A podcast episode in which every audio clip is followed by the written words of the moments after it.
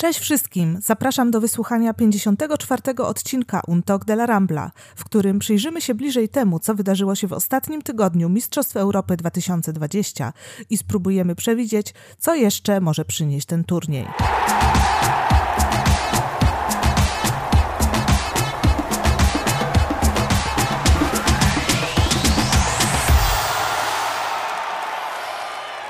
Cześć jeszcze raz, z tej strony Magdalena Rudnicka.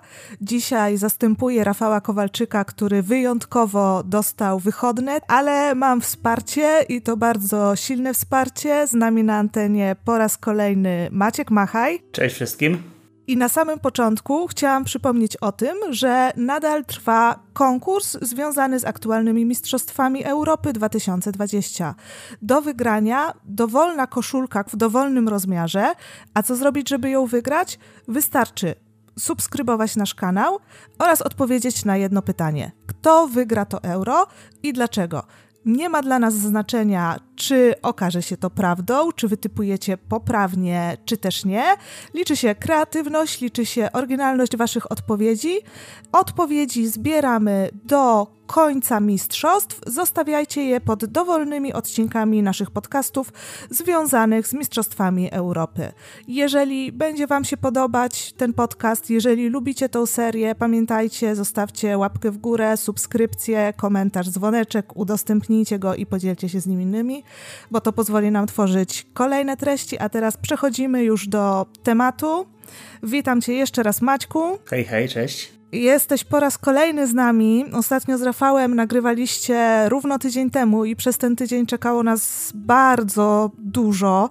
Postaramy się jakoś przez to wszystko przejść, ale na początku muszę Ci pogratulować i powiedzieć, że jesteś bardzo uczciwym człowiekiem i Rafał również, ponieważ powiedzieliście w ostatnim podcaście, typując wyniki jednej ósmej mistrzostw, że nasi słuchacze, nasi użytkownicy, jeżeli chcą się dorobić i obstawić mecze, to powinni to zrobić dokładnie odwrotnie niż wy to zrobiliście.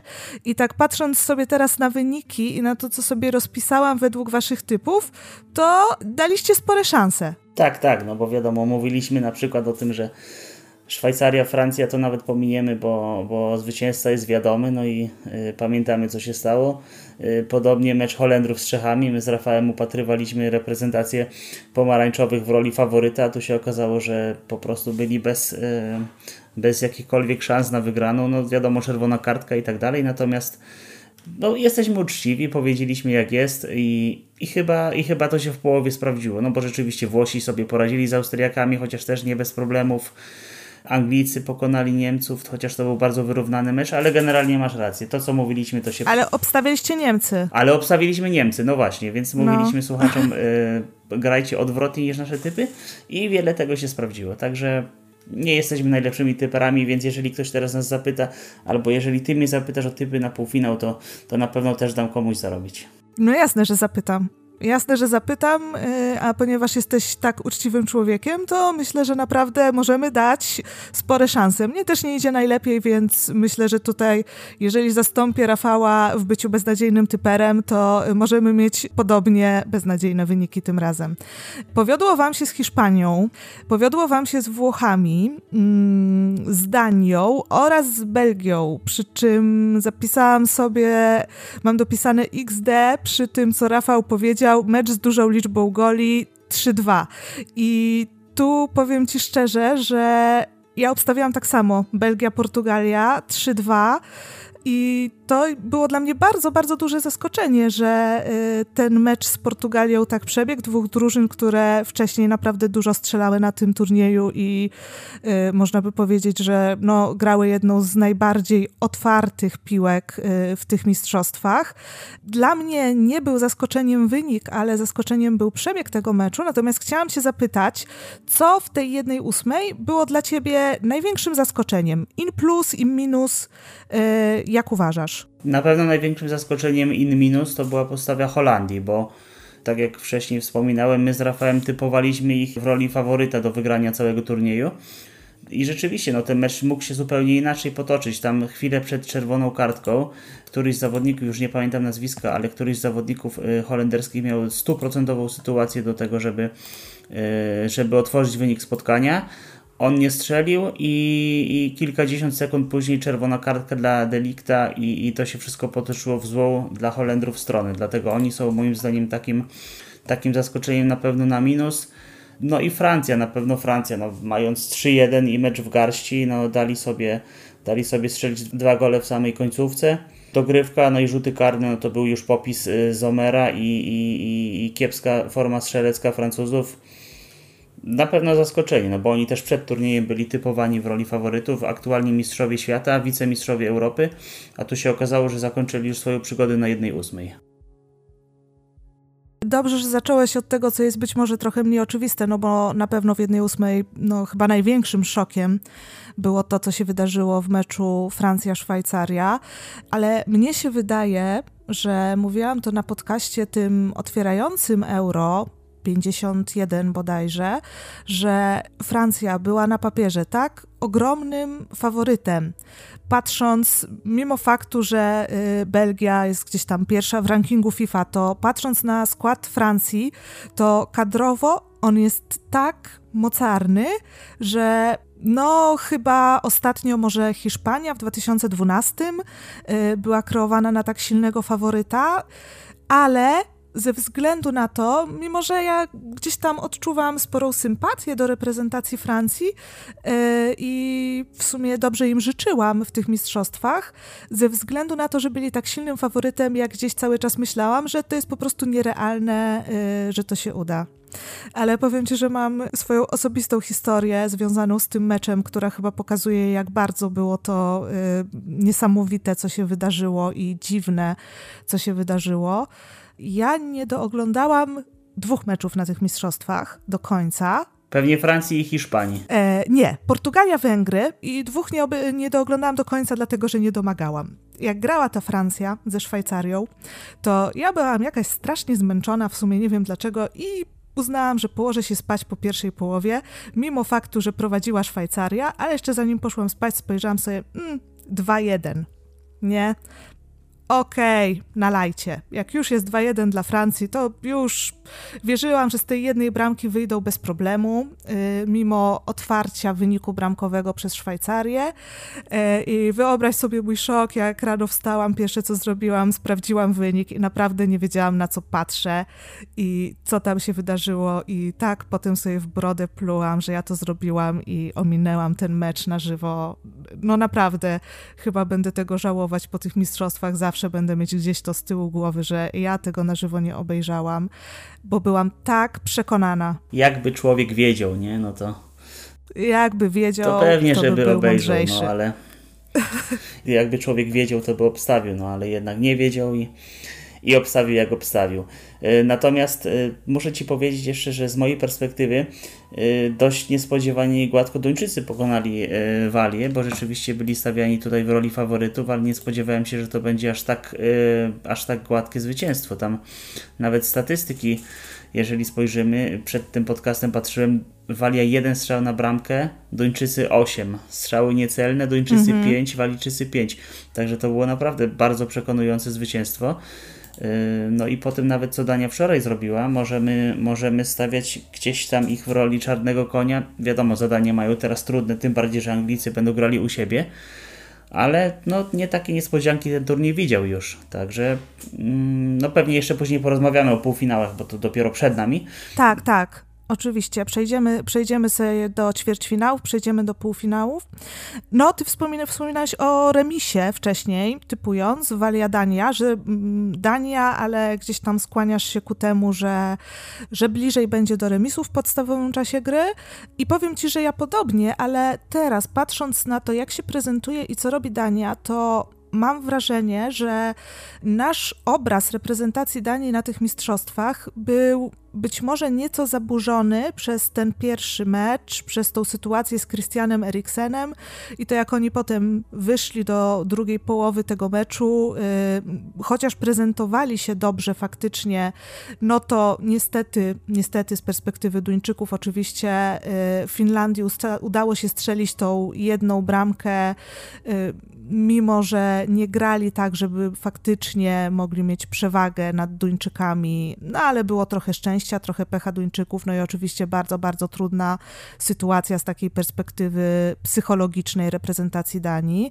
I zastanawiałam się potem nad tym, gdzie oni awansowali tak naprawdę rzutem na taśmę i mam wrażenie, że od momentu wtedy tego meczu z Rosją nastąpiło jakieś takie nagłe odbicie tej reprezentacji, że oni weszli na falę wznoszącą. Teraz przed nimi oczywiście jest największe wyzwanie, jakie jak dotąd ich czekało. Zobaczymy, jak w takiej sytuacji im się uda, ale chciałam się ciebie zapytać, jak sądzisz, czy to jest tak, że właśnie te pierwsze dwa mecze gdzieś były zaburzone i po prostu Dania jest naprawdę wspaniale przygotowana do tych mistrzostw i wstępuje w nie z bardzo dużym potencjałem? Czy może jest tak, że oni grają trochę ponad miarę nawet swoich możliwości, bo są aż tak bardzo zmotywowani właśnie ze względu na tą no, tragedię związaną z Eriksenem. Jak uważasz? Bo ja sama nie umiem sobie tego do końca w głowie poukładać i zastanawiam się, czy oni nie wykręcają po prostu lepszych wyników ze względu na to, że ta motywacja jest aż tak duża. Na pewno jedna i druga wypowiedź ma w sobie trochę prawdy, bo y, motywacja tam jest na pewno wykręcona na bardzo wysoki poziom i, i oni tutaj jadą na tym koniku, że że robią to wszystko dla Eriksena, że, że chcieliby, marzy, marzą wysoko na pewno, chcieliby wygrać ten turniej i zadedykować to zwycięstwo koledze, który być może nie zagra już nigdy w piłkę na profesjonalnym poziomie, więc tutaj na pewno nie potrzeba im dodatkowej motywacji i, i częściowo jest tak jak mówisz, że oni grają trochę, ich wyniki to jest trochę to, y, ich wyniki są trochę ponad y, miarę i ponad oczekiwania nawet samych kibiców w Danii. Y, natomiast z drugiej strony nie można im odbierać tego, że są dobrze przygotowani do turnieju.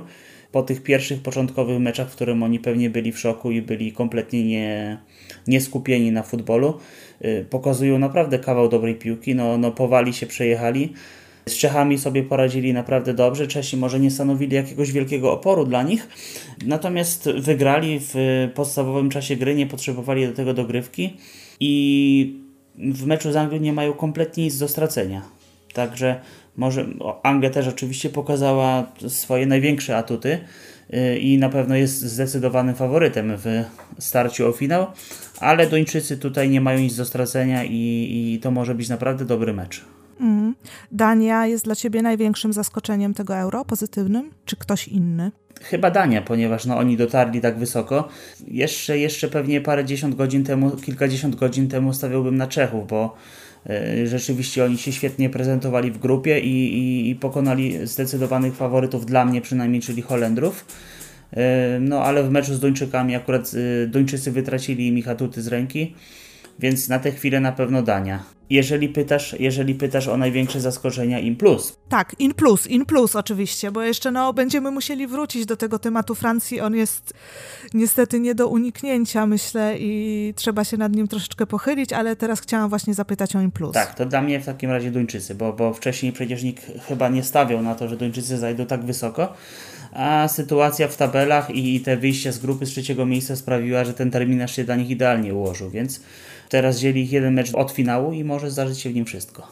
No powiem Ci, że ja bardzo lubię takie romantyczne, piłkarskie historie. Może trochę jestem taką chorą idealistką pod tym względem i jakkolwiek nie byłam nigdy kibicem Danii, tak naprawdę teraz trzymam za nich kciuki na tych mistrzostwach, bo gdyby im się udało przejść do finału, co będzie wyjątkowo trudne, no to ta historia byłaby naprawdę, mam wrażenie, że do zapamiętania po prostu przez dziesięciolecia by się o tym mówiło, co oni zrobili. Powiedzieliśmy sobie trochę o zaskoczeniach pozytywnych. Y, no jeżeli chodzi o zaskoczenie negatywne, też wspomniałeś, Holandia, no i oczywiście Francja. O co chciałam zapytać w związku z tym meczem, bo tu jest sporo, sporo, naprawdę sporo aspektów. Taka ciekawostka, nie wiem czy o tym słyszałeś, że kibice francuscy złożyli petycję na takiej francuskiej stronie do tego służącej, skierowaną do UEFA o powtórzenie tego meczu ze względu na potencjalnie złe ustawienie Zomera w trakcie rzutów karnych, który podobno wychodził za linię bramkową. Zebrali 270 tysięcy podpisów pod tą petycją. Oczywiście no, nie ma to znaczenia, jest to już wszystko jest historią, ale chciałam się ciebie zapytać o to, abstrahując tak jakby od y, kwestii już tych rzutów karnych, czy uważasz, że jeżeli chodzi o grę, jeżeli chodzi o postawę na tym turnieju, czy Francja zasłużenie odpadła? Ja akurat, y, szczerze powiedziawszy, nie lubię w piłce naszej czegoś takiego jak zasłużenie czy nie, bo ostatecznie tak naprawdę weryfikujecie boisko, 90 minut, ewentualnie dogrywka i karne.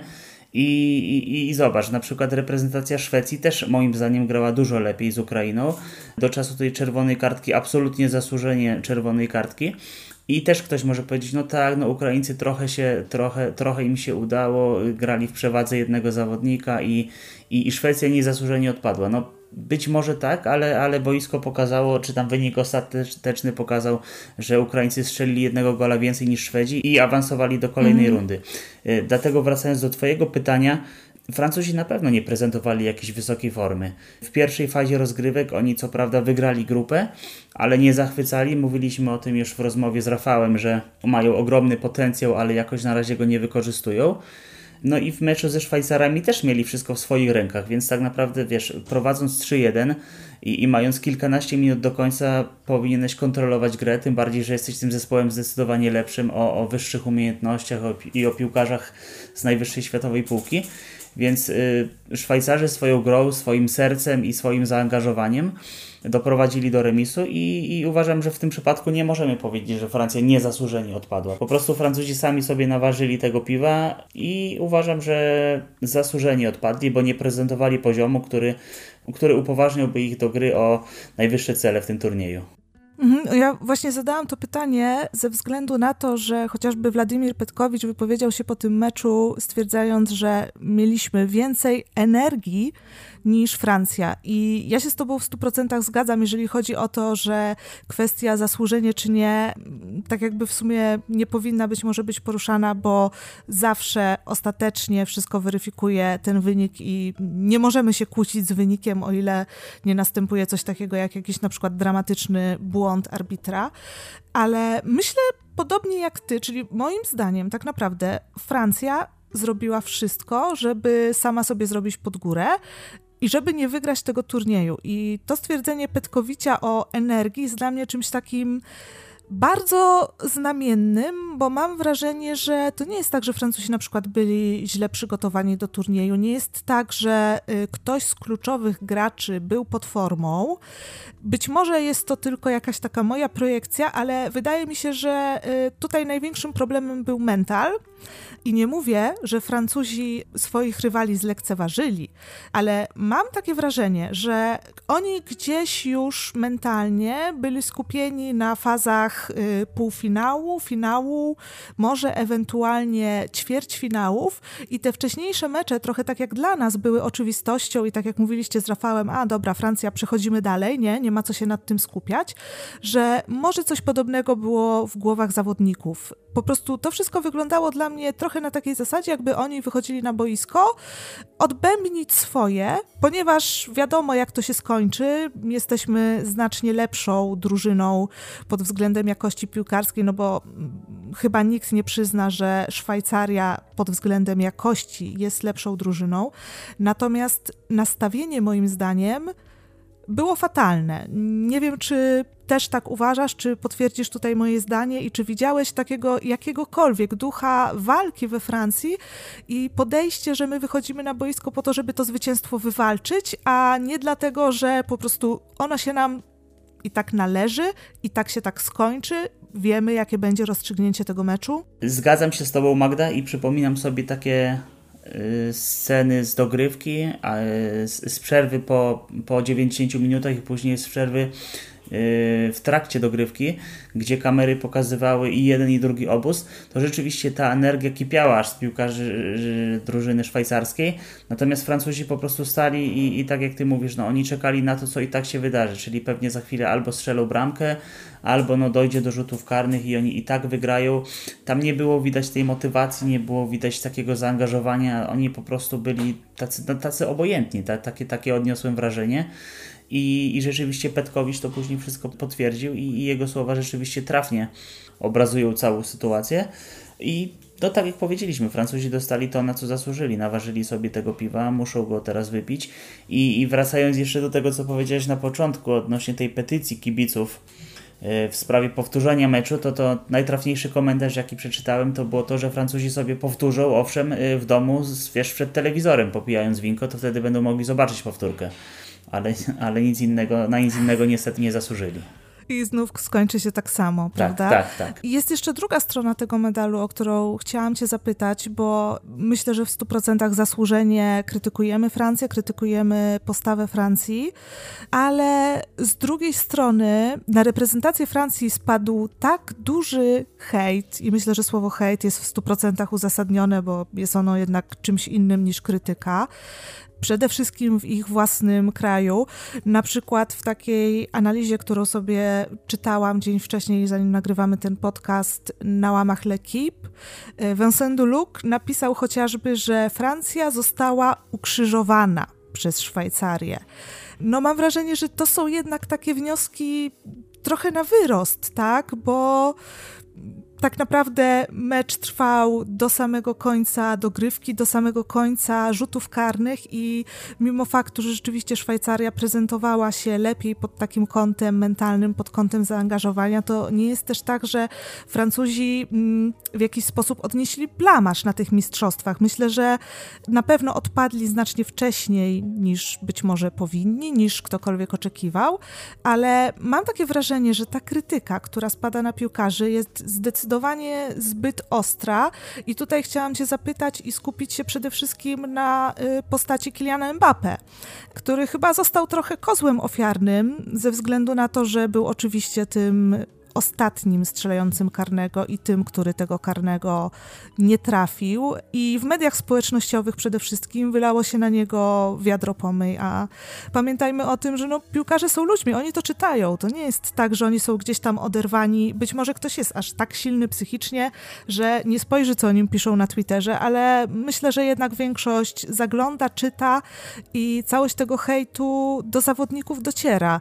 Jak ty to widzisz? Y, jak zapatrujesz zapatrujesz się na tak jakby taką postawę kibiców wobec powiedziałabym też tak młodego zawodnika, który jednak pod tym kątem takim mentalnym, postawy na boisku, postawy w ogóle w rywalizacji sportowej dopiero się kształtuje i to jest jedno pytanie, a drugie jest takie, czy było dobrą decyzją, że to właśnie Mbappe podchodził do tego ostatniego karnego, co jak wiadomo jest największą presją. Może gdyby to był ktoś inny, to myślisz, że scenariusz mógłby się potoczyć inaczej? Odnosząc się do Twojego pierwszego pytania, oczywiście hejt to jest, to jest zjawisko, które jest e, niepożądane w każdej dziedzinie życia, nie tylko w futbolu, ale w piłce nożnej ono mam wrażenie, że, że wychodzi najbardziej właśnie po takich porażkach, po niespodziewanych porażkach, po jakichś sensacyjnych odpadnięciach z turniejów i wtedy media, kibice bardzo łatwo dają upust swoim negatywnym emocjom, tylko w sposób, który jest absolutnie nie do zaakceptowania, bo tak jak powiedziałaś, to są ludzie, którzy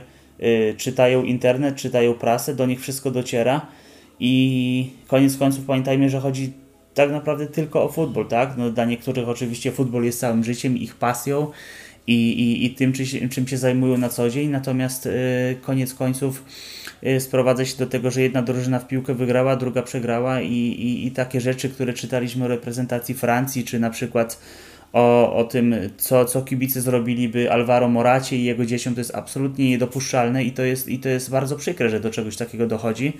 Więc też uważam, że to jest grubo przesadzone, tym bardziej, że jak wspomniałaś, Mecz trwał 120 minut plus rzuty karne, więc tak naprawdę tam o zwycięstwie zadecydował tylko jeden gol, czyli albo ktoś strzelił, albo nie strzelił tego karnego. Mm, także zupełnie przesadzone to jest i też nie rozumiem tak wielkiej krytyki, która spada na Francuzów. A jeżeli chodzi o pytanie numer dwa, to myślę, że Mbappé tak naprawdę mimo swojego młodego wieku, on ma 22 lata, niespełna 23 lata, jest prawdziwym liderem, bo, bo świetnie sobie radzi w rozgrywkach klubowych na każdym poziomie, y, na poziomie ligowym, na poziomie europejskich pucharów i, i myślę, że jest też jednym z liderów reprezentacji Francji, więc myślę, że nawet dobrze się stało, że on strzelał tego ostatniego karnego, bo w momencie, kiedy on nie trafił karnego, na pewno bardzo to przeżył osobiście. Też on chyba albo zaraz po meczu, albo na drugi dzień też za pośrednictwem mediów społecznościowych przeprosił kolegów z reprezentacji tak, kibiców. Tak. Wydaje mi się, że to będzie coś, co go na pewno wzmocni, bo, bo wiadomo, pewnie rozczarował gdzieś kibiców, yy, kolegów i, i, i tak jak powiedziałeś, stał się kozłem ofiarnym, no bo teoretycznie tak to jego niestrzelony karny zdecydował o tym, że Francja odpadła z turnieju. Natomiast to będzie coś, co na pewno go wzmocni i, i w przyszłości będzie jeszcze lepszym zawodnikiem, o ile może być jeszcze lepszy, bo dla mnie on no, momentami ociera się o perfekcję ze swoją naprawdę szybkością, boiskową inteligencją i, i, i takim nosem do strzelania bramy. Ja też bardzo cenię Mbappé i również mam nadzieję, tak jak powiedziałeś, że będzie to taki impuls, który go wzmocni, bo no, każdy piłkarz musi przejść w swoim życiu porażki i prawdopodobnie też takie, do których to on przyłoży rękę, a nie zablokuje. Myślę, że myślę, że Kilian jest w stanie ukuć z tego coś pozytywnego. Wspomniałeś o Moracie, wspomniałeś o sytuacji związanej z Moratą. Myślę, że już jesteśmy na tym etapie, że zamkniemy sobie sobie tą część związaną z jedną ósmą i przejdziemy do ćwierćfinałów. E, I chciałabym tutaj właśnie zacząć e, od Hiszpanii.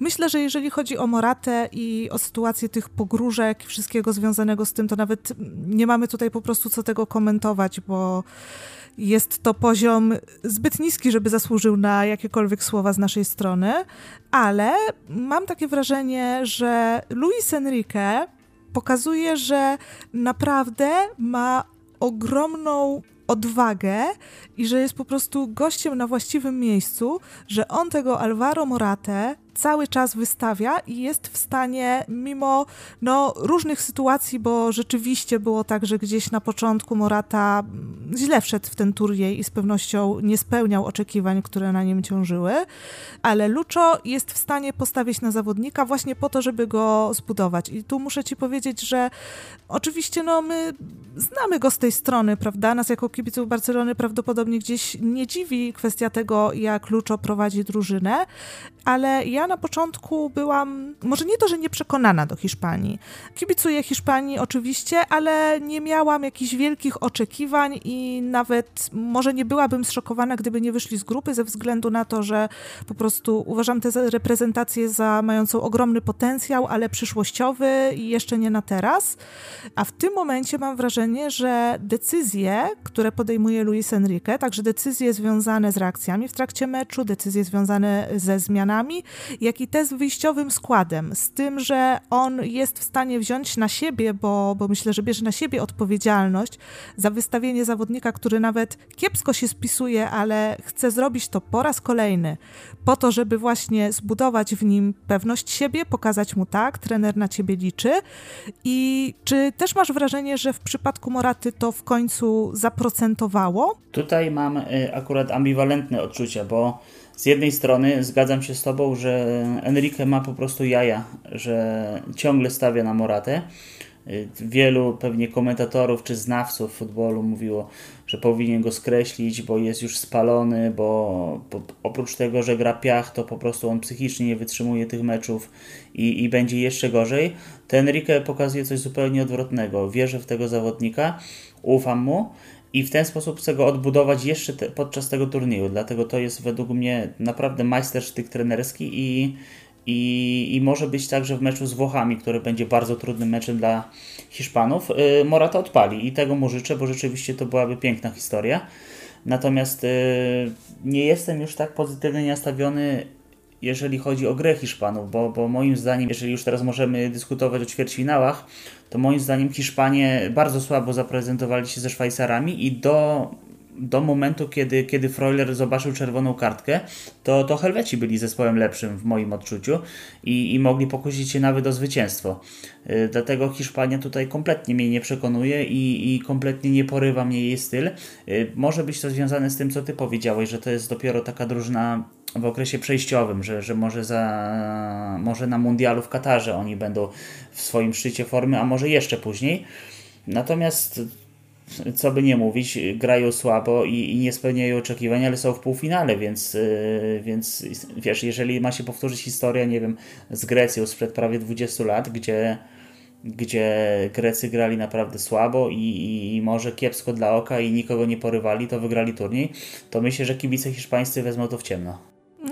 Nie, myślę, że nawet nie musimy się cofać aż do Grecji. Wystarczy spojrzeć ostatnio na Portugalię. Racja, racja. E, na poprzednim turnieju. Tak, y, w dużym stopniu się z Tobą zgadzam, ale mam też takie wrażenie, przynajmniej z mojej perspektywy, i ciekawa jestem tutaj Twojej opinii, że być może Hiszpania już osiągnęła swój cel na tym turnieju, bo to jest półfinał. Czy myślisz, że tak jakby założeniem tej reprezentacji w tym momencie na tych mistrzostwach było dotarcie do finału, tudzież zwycięstwo?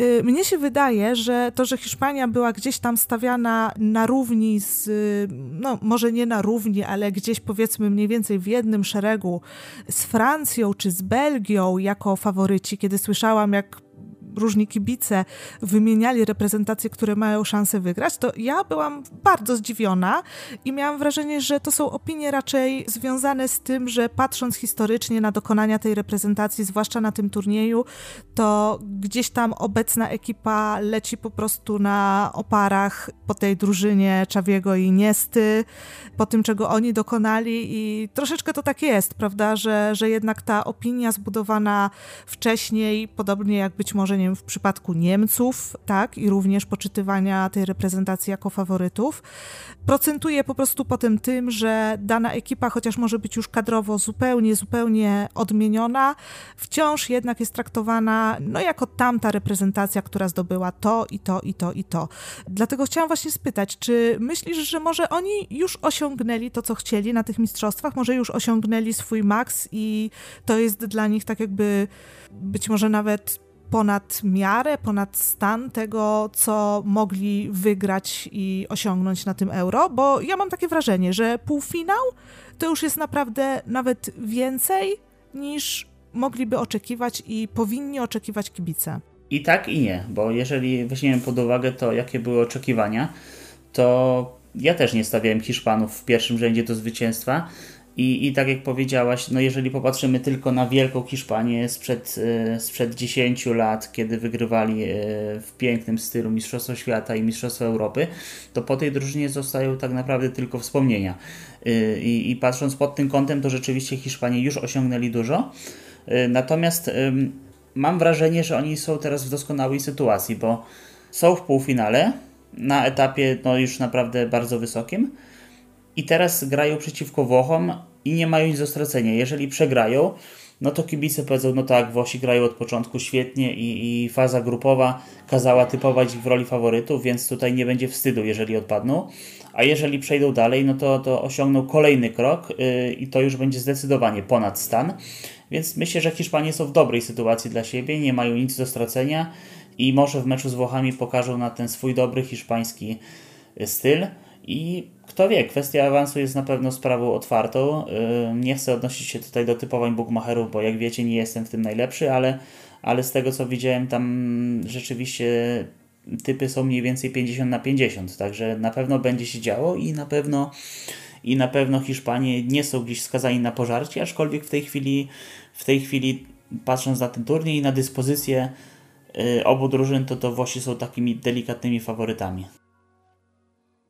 No, powiem Ci, że jak dla mnie Włosi są nawet mocnymi faworytami i teraz mnie zdziwiło to, co powiedziałeś, że jeżeli chodzi o typy bukmacherskie, to jest 50 na 50. Naprawdę bardzo, bardzo mocno mnie to zdziwiło. Do Włoch za chwilę sobie przejdziemy, ale mam jeszcze taką jedną ciekawostkę związaną z Hiszpanią, ponieważ jak dotąd na Mistrzostwach Europy tylko pięć drużyn przeszło po dogrywce w jednym meczu fazy pucharowej i po karnych przeszło dalej. Szóstą obecnie jest Hiszpania. Mhm. I tych pięć drużyn każda z nich skończyła ostatecznie jako mistrz. Mhm, wiesz, no statystyki mają to do siebie, że kiedyś lubią się skończyć, więc... Dokładnie. Im dłużej trwa dana passa, tym większa szansa, że w końcu się skończy. Dokładnie tak. Dokładnie e, no, tak. ale, ale ciekawe, ale ciekawe i powiem ci z drugiej strony, że mam wrażenie, że jednak turnieje, zwłaszcza wtedy, kiedy wchodzą w fazę pucharową, mają coś takiego do siebie, że te drużyny, które cierpią, i przechodzą przez te dogrywki, przechodzą przez te karne.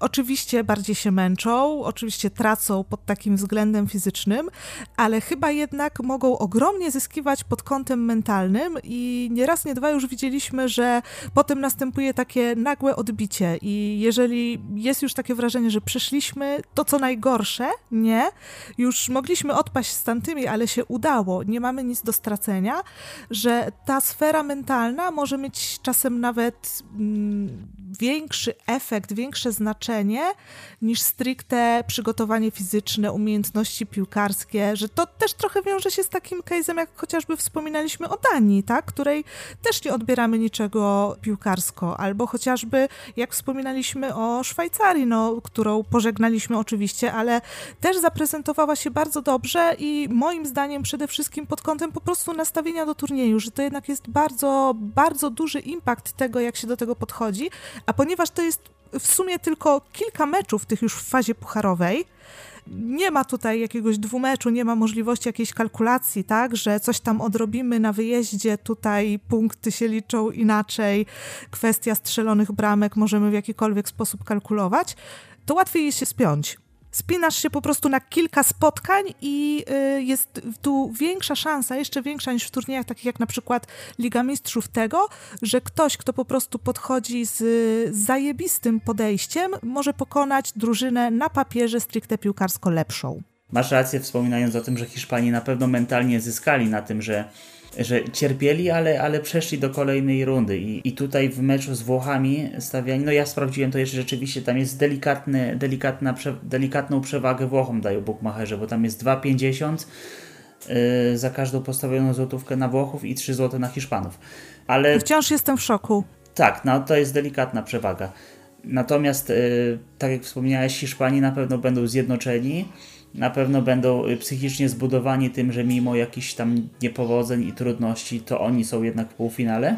I możemy się spodziewać takiego meczu, wiesz, y, Belgia-Portugalia też myśleliśmy, że będzie sporo bramek, tak, 3-2 gdzieś się tam pojawiało, natomiast było skromne 1-0 i nie jest, nie jest powiedziane, że taka historia nie powtórzy się teraz w półfinale, bo, bo jeżeli to będzie, wiesz, mecz dwóch drużyn, które mają naprawdę jakość yy, ofensywną, może się okazać, że, że wiesz, zagrają zachowawczo i jakiś jeden gol zdecyduje o awansie, więc absolutnie nie odbieram tutaj Hiszpanom y, szans na wejście do finału. No to przejdźmy sobie właśnie do reprezentacji Włoch i do meczu Belgia-Włochy. Wspominaliśmy wcześniej o pozytywnych zaskoczeniach i właśnie zastanawiałam się, czy nie powiesz niczego o Włochach, no bo Dania jest taka mm, bardzo oczywista, prawda?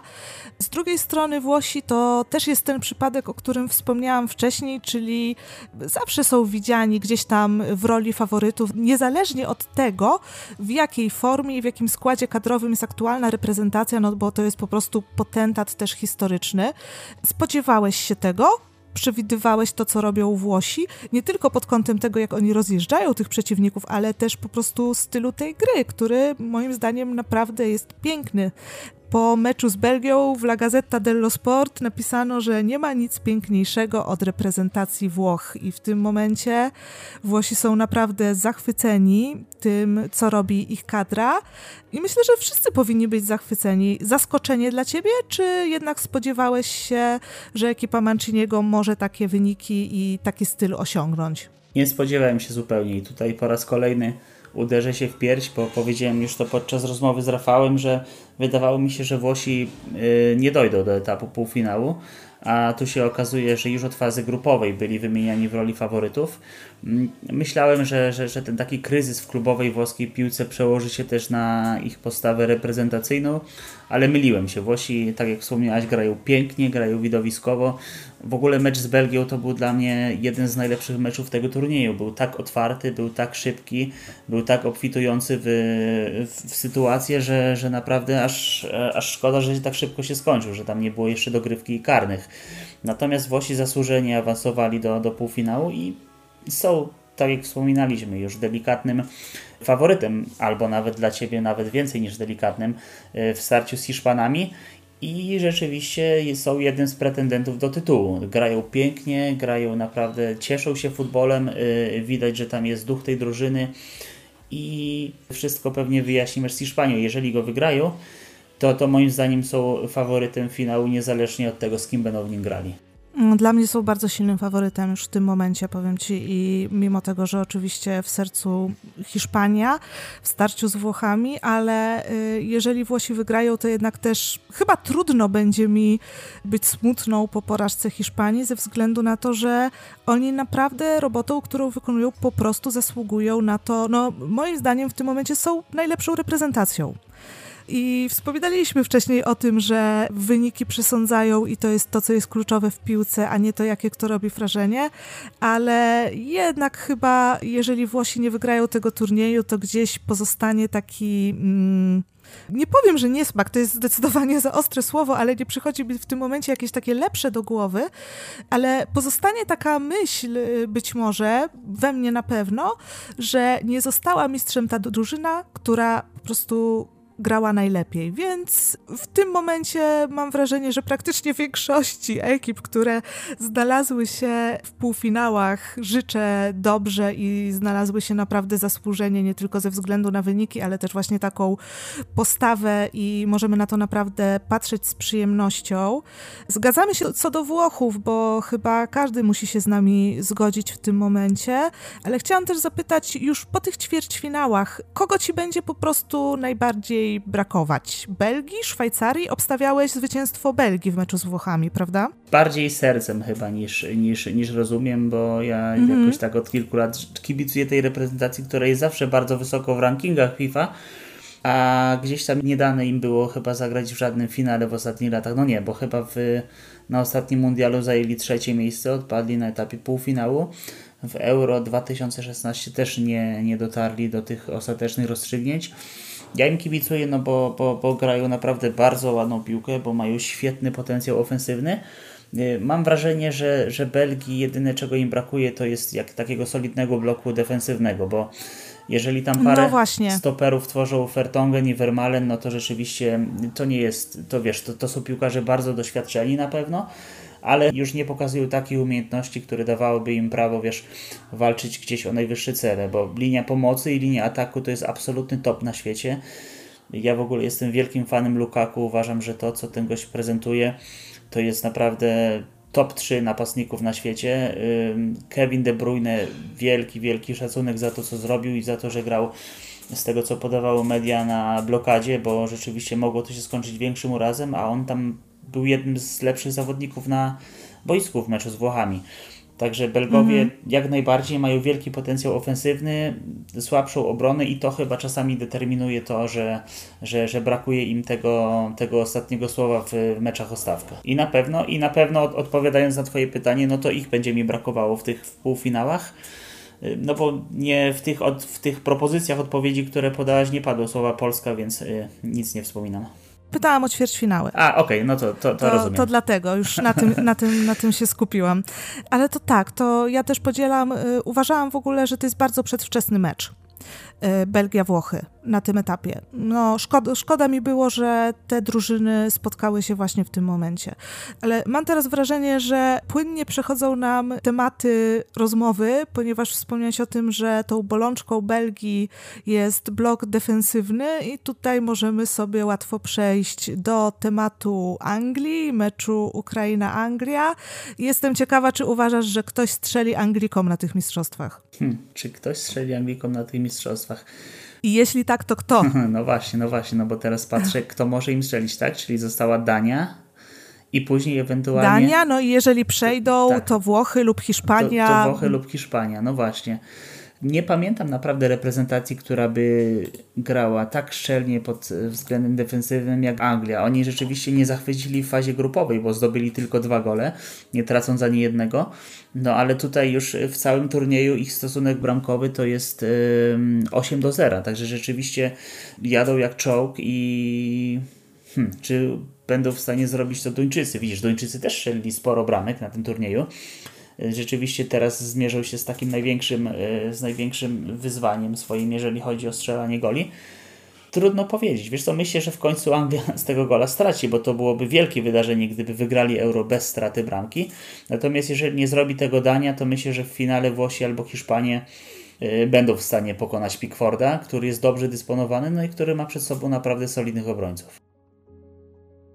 Anglia wygrała z Niemcami i teraz jak Ciebie słuchałam, to mam wrażenie, że obecnie to Anglicy mają taki niemiecki vibe w grze. Nie masz takiego wrażenia? Takiej reprezentacji Niemiec w swoim powiedzmy, no może, może nie szczycie. Czyli, że w piłkę grają wszyscy, ale na końcu i tak wygrywają Anglicy, tak? Parafrazując to. Dokładnie, dokładnie tak teraz mniej więcej troszeczkę mi się kreuje ta sytuacja. Jeżeli, jeżeli Anglikom nie strzelił bramki Müller, który był w stuprocentowej sytuacji, albo nawet 150%, to rzeczywiście ten, ten niemiecki tryb mógł się im włączyć. Pytanie, czy, czy zatrzyma się już w półfinale na Duńczykach, czy rzeczywiście Anglia stawiana w roli faworyta poradzi sobie z Danią i, i, i jak zagra też w finale, bo to będzie z kolei wyzwanie dla Anglików.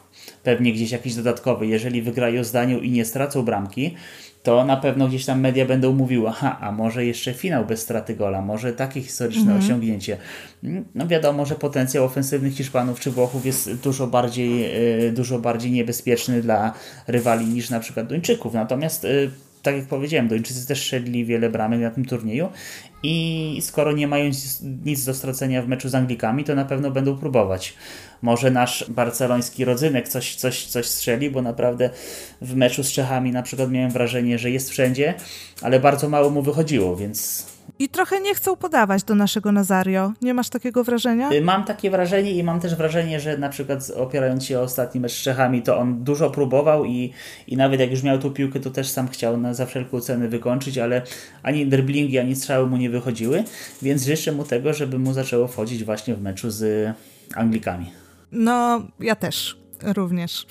Obserwuje się to bardzo ciekawie, y, jak wygląda gra Bright White'a, ale możemy się troszeczkę z tego śmiać i tego, że, y, że faktycznie niewiele wychodzi mu na tych mistrzostwach, ale też mam wrażenie, że mimo wszystko on dużo daje drużynie, chociażby tym, o czym wspomniałeś, czyli jest bardzo aktywnym zawodnikiem, bardzo dużo się rusza, bardzo dużo się przemieszcza i myślę, że nawet jeżeli on nie trafi i nie wykorzysta tych stuprocentowych sytuacji, to, no, to użyje porównania strasznie na wyrost, wiem o tym, ale trochę jak taki Suarez w takich czasach, kiedy mu naprawdę nie wychodziło.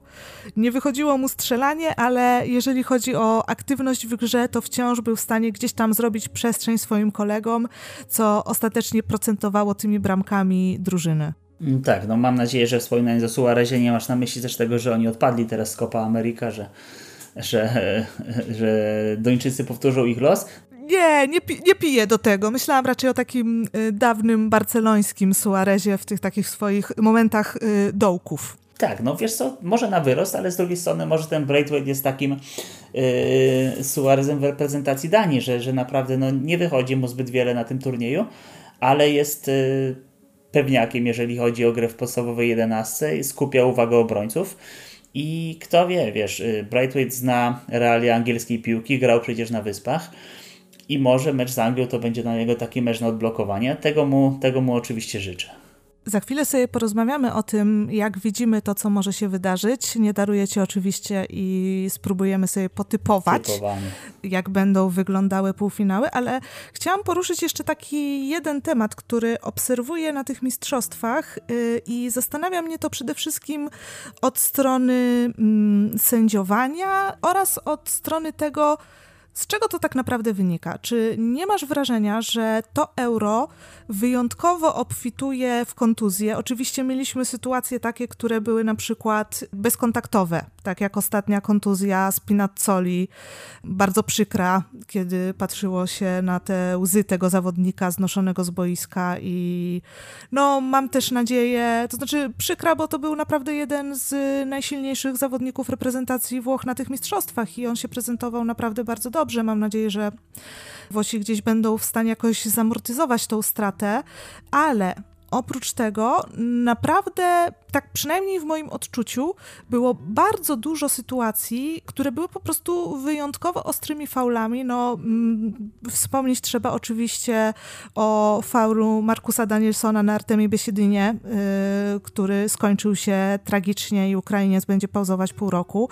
Ale chociażby, tak jak powiedziałeś, meczu Hiszpanii ze Szwajcarią, w 100% zasłużona czerwona kartka Freulera za faul na Moracie, gdzie no myślę, że Hiszpan naprawdę miał miał dużo szczęścia, bo, no bo to był kryminał co Freuler zrobił i to się mogło naprawdę bardzo, bardzo źle skończyć. I zastanawiam się, skąd to się bierze, skąd tyle takich, no w sumie agresywnych y, zachowań w grze, i czy nie jest to związane z tym, że sędziowanie niewystarczająco chroni zawodników, bo jest jednak w tym momencie taki trend, jest nawet taka wytyczna ze strony UEFA, żeby tych najlepszych zawodników bardziej chronić pod kątem sędziowania, właśnie po to, żeby uniknąć kontuzji, które mogą kogoś wyeliminować i negatywnie wpłyną po prostu, no wiadomo, oczywiście nie tylko na zdrowie zawodnika, ale też na poziom turnieju, tak? Jeżeli ktoś ze względu na faul wypadnie na samym początku turnieju, traci turniej, traci impreza, traci UEFA. Czy nie myślisz, że jednak brakuje takiej ochrony i brakuje utemperowania jakichś agresywnych zachowań, może w tych początkowych fazach meczu? Skąd po prostu do tego dochodzi? Co jest powodem? Wydaje mi się, że powodem może być to, że sędziowie pozwalają na więcej, żeby sprawić, że widowisko będzie bardziej atrakcyjne, czyli więcej walki, więcej takich ostrych ostrych wejść, co może skutkować pewnie, wiesz, jakimiś y, spięciami na boisku, to jest zawsze atrakcyjne, to się zawsze dobrze ogląda, ale chyba nie tędy droga, bo tak jak wspomniałeś, najważniejsze jest zdrowie zawodników i to ono powinno być chronione w pierwszej kolejności. Też się nad tym zastanawiałem, rzeczywiście to euro obfituje w kontuzję i w takie ostre starcia i, I rzeczywiście szkoda, bo piłkarze na pewno są y, zmęczeni tym takim nietypowym sezonem, gdzie rzeczywiście ten natłok meczowy był większy niż wcześniej z, z, z powodów już nam wszystkim znanych. I, I na pewno ci piłkarze mają w nogach po kilkadziesiąt lub więcej meczów, i, i na pewno ich zdrowie jest tak czy tak trochę nadszarpnięte, więc tutaj wystarczy pewnie jakiś mniejszy kontakt z rywalem i, i, i nie trudno o kontuzję. Także zgadzam się z Tobą, że, że to zdrowie i, i nogi piłkarzy powinni, to, to wszystko powinno być bardziej chronione. Natomiast no, sama organizacja turnieju pokazuje, że jednak chyba na pierwszym miejscu dalej jest pieniądz, bo nikt mnie na przykład nie przekona do tego, że organizacja turnieju w tylu miastach jest y, dobra z punktu widzenia sportowego i nawet samo to może wpływać na piłkarzy. Zobacz, częste podróże, y, przenosiny, y, tyle kilometrów pokonanych w samolotach nie sprzyja mhm. temu, żeby odpocząć, żeby się zregenerować. Mm, więc przyznaję Ci rację i też chciałbym, żeby to wszystko było inaczej po pierwsze organizowane, a po drugie, żeby sędziowie zwracali większą uwagę na, na zdrowie, bo zdrowie jest tylko jedno i, i jeżeli, tak jak powiedziałeś, zawodnik wypada w początkowej fazie turnieju, to po pierwsze nie może pomóc swojemu zespołowi, a po drugie to jest zawsze jakiś, jakiś, jakiś problem dla niego osobiście, dla, dla klubów, y, patrząc y, na to, jeżeli ta kontuzja będzie jakaś poważniejsza, też chciałbym, żeby to było y, lepiej zorganizowane z punktu widzenia zawodników. No, dla mnie to jest jeden z takich najbardziej negatywnych aspektów akurat tych mistrzostw. To, że mam wrażenie, że brakuje właśnie tej takiej wzmożonej opieki nad zawodnikami, jednak, która chyba powinna być tym bardziej dlatego, że decyzja o rozgrywaniu w tylu miejscach, jak słusznie wspomniałeś, oraz bardzo obciążający sezon. Natomiast idzie to dla mnie w taką trochę niepokojącą stronę, no i pozostaje mieć nadzieję, że jednak wnioski z tego będą wyciągnięte, bo, no bo mam wrażenie, że zdecydowanie zbyt dużo się stało i no po prostu, po prostu nie powinno tak być, bo tracą wszyscy. Traci zawodnik, ale y, tracimy też my i jeżeli już mówimy o tym, że rządzi pieniądz jednak wszystkie decyzje są podejmowane pod tym kątem ze strony UEFA, to ja myślę, że oni też tracą. Bo jeżeli wypadają zawodnicy, którzy mogliby potencjalnie być motorem napędowym, też takim marketingowym, y, być może na razie nikt jeszcze taki nie wypadł ze względu na faul, jeśli popatrzymy na same nazwiska, tak, no bo tak jak wspomniałam, Spinazzola na przykład, no to już był efekt y, bezkontaktowy, tak, tej kontuzji ale mimo wszystko to niestety, niestety prędzej czy później może się skończyć dla każdego źle.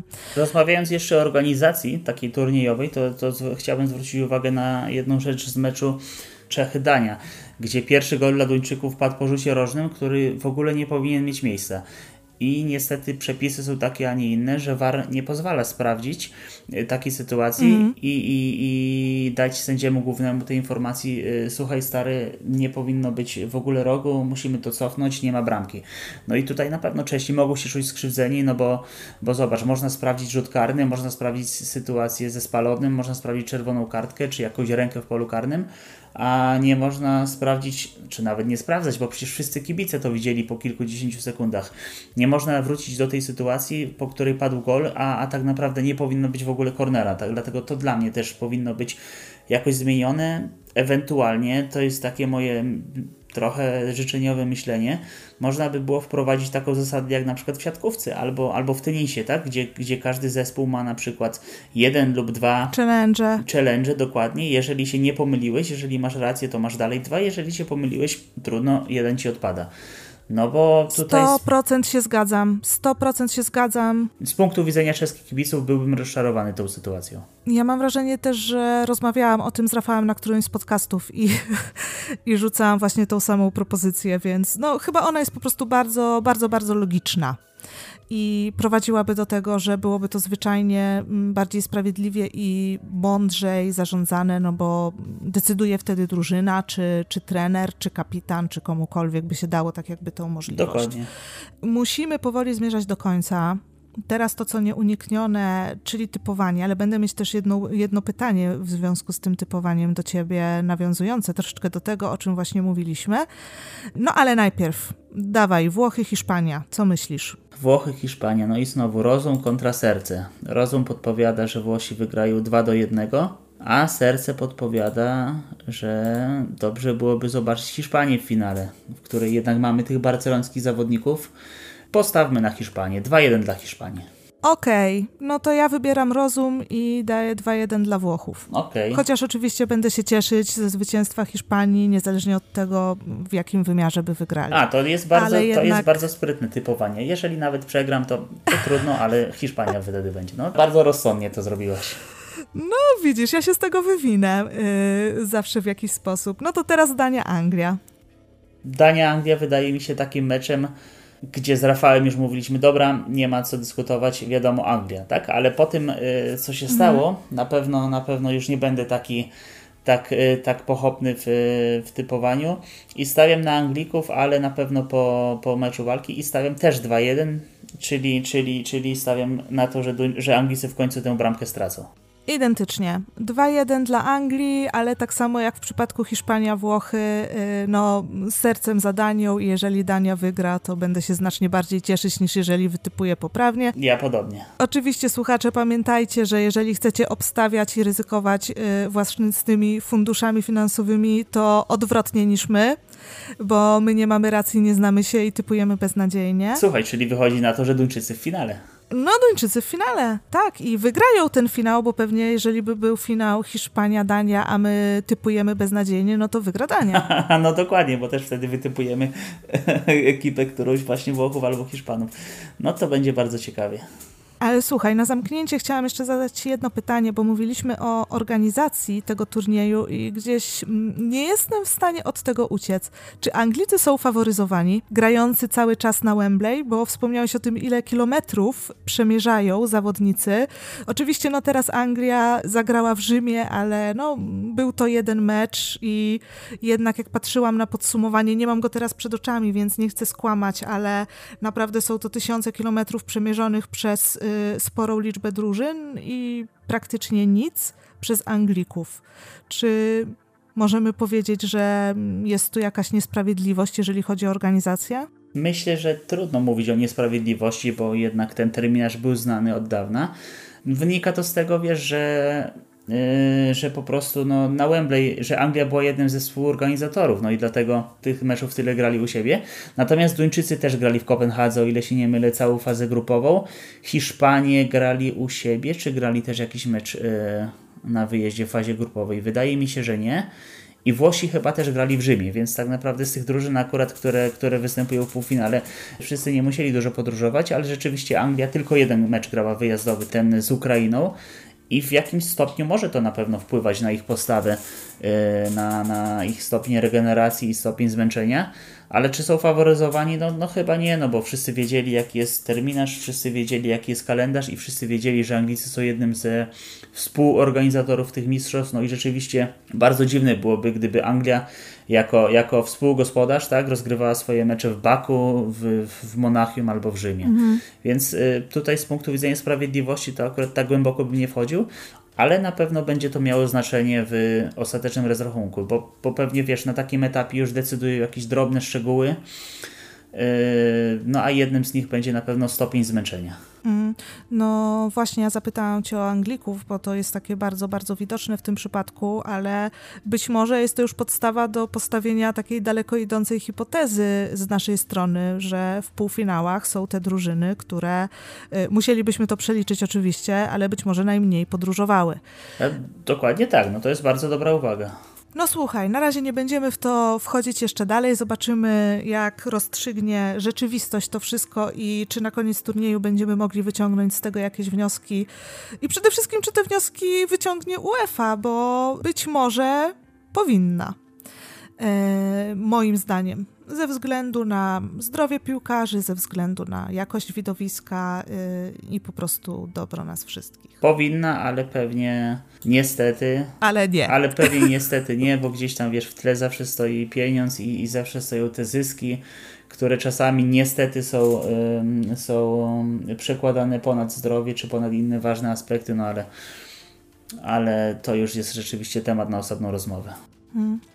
No dobra, nie kończmy, nie kończmy w ten yy, przykry i pesymistyczny sposób. Trzymajcie kciuki za tych, których lubicie, kibicujcie tym, którym chcecie kibicować. Y, mam nadzieję, że uda się wygrać drużynie najlepszej. Mam nadzieję, że w półfinałach czekają nas naprawdę ciekawe mecze i że to euro pozostawi nas z pozytywnymi jednak wrażeniami, bo naprawdę zobaczyliśmy kawał dobrej piłki i przeżyliśmy i myślę, że jeszcze przeżyjemy sporo bardzo fajnych i bardzo gorących emocji. I życzę Wam wszystkim, nasi nasi drodzy słuchacze, żebyście po zakończeniu i po finale mogli się tak zmienić, jak ten słynny kibic Szwajcarii y, w meczu z Francją. Kojarzysz Szmakaj? Oczywiście, oczywiście. No rzeczywiście Szwajcarzy też super zareagowali, bo bo docenili tego kibica, który, który jest rzeczywiście żywą promocją kraju. On, on dostał, z tego co pamiętam, w czasy w wybranym kurorcie szwajcarskim. Po powrocie do kraju szwajcarskie linie lotnicze zaproponowały mu przelot do, do Rosji na mecz e, z Hiszpanią. E, także kontrakty jakieś reklamowe już, już zostały zaproponowane temu kibicowi. No, to pokazuje akurat piękno, piękno piłki nożnej i to, jak cała sytuacja może się zmienić w ciągu minuty, bo ta, ta pierwsza jego mina była chyba przy wyniku 2 do 3 i, i ostatniej minucie, a później to była reakcja na bramkę, e, na, na wagę no, remisu. Tak. Także piękne, piękne emocje i, i bardzo, bardzo pozytywny aspekt tego euro. No i dlatego chciałam nas na koniec zostawić po prostu z tym obrazkiem, żeby zdjąć te negatywne emocje związane z wszystkimi innymi gorszymi aspektami. Maćku, bardzo Ci dziękuję za rozmowę. Dziękuję Ci bardzo za poprowadzenie tej rozmowy i do usłyszenia. Dziękuję wszystkim za wysłuchanie podcastu. Ja się nazywam Magdalena Rudnicka i na koniec chciałam przypomnieć Wam jeszcze o trwającym konkursie, którego szczegóły znajdziecie w opisie filmu. Zachęcam oczywiście do używania hashtagu UTDLarambla. Pamiętajcie, możecie go zamieszczać w komentarzach na YouTubie, na Twitterze, w dziale La Rambla. Nie zapomnijcie o subskrypcji kanału, łapkach w górę, dzwoneczkach i innych tego typu miłych drobnostkach dla nas. Podzielcie się podcastem z innymi fanami piłki nożnej. Dziękuję i cześć.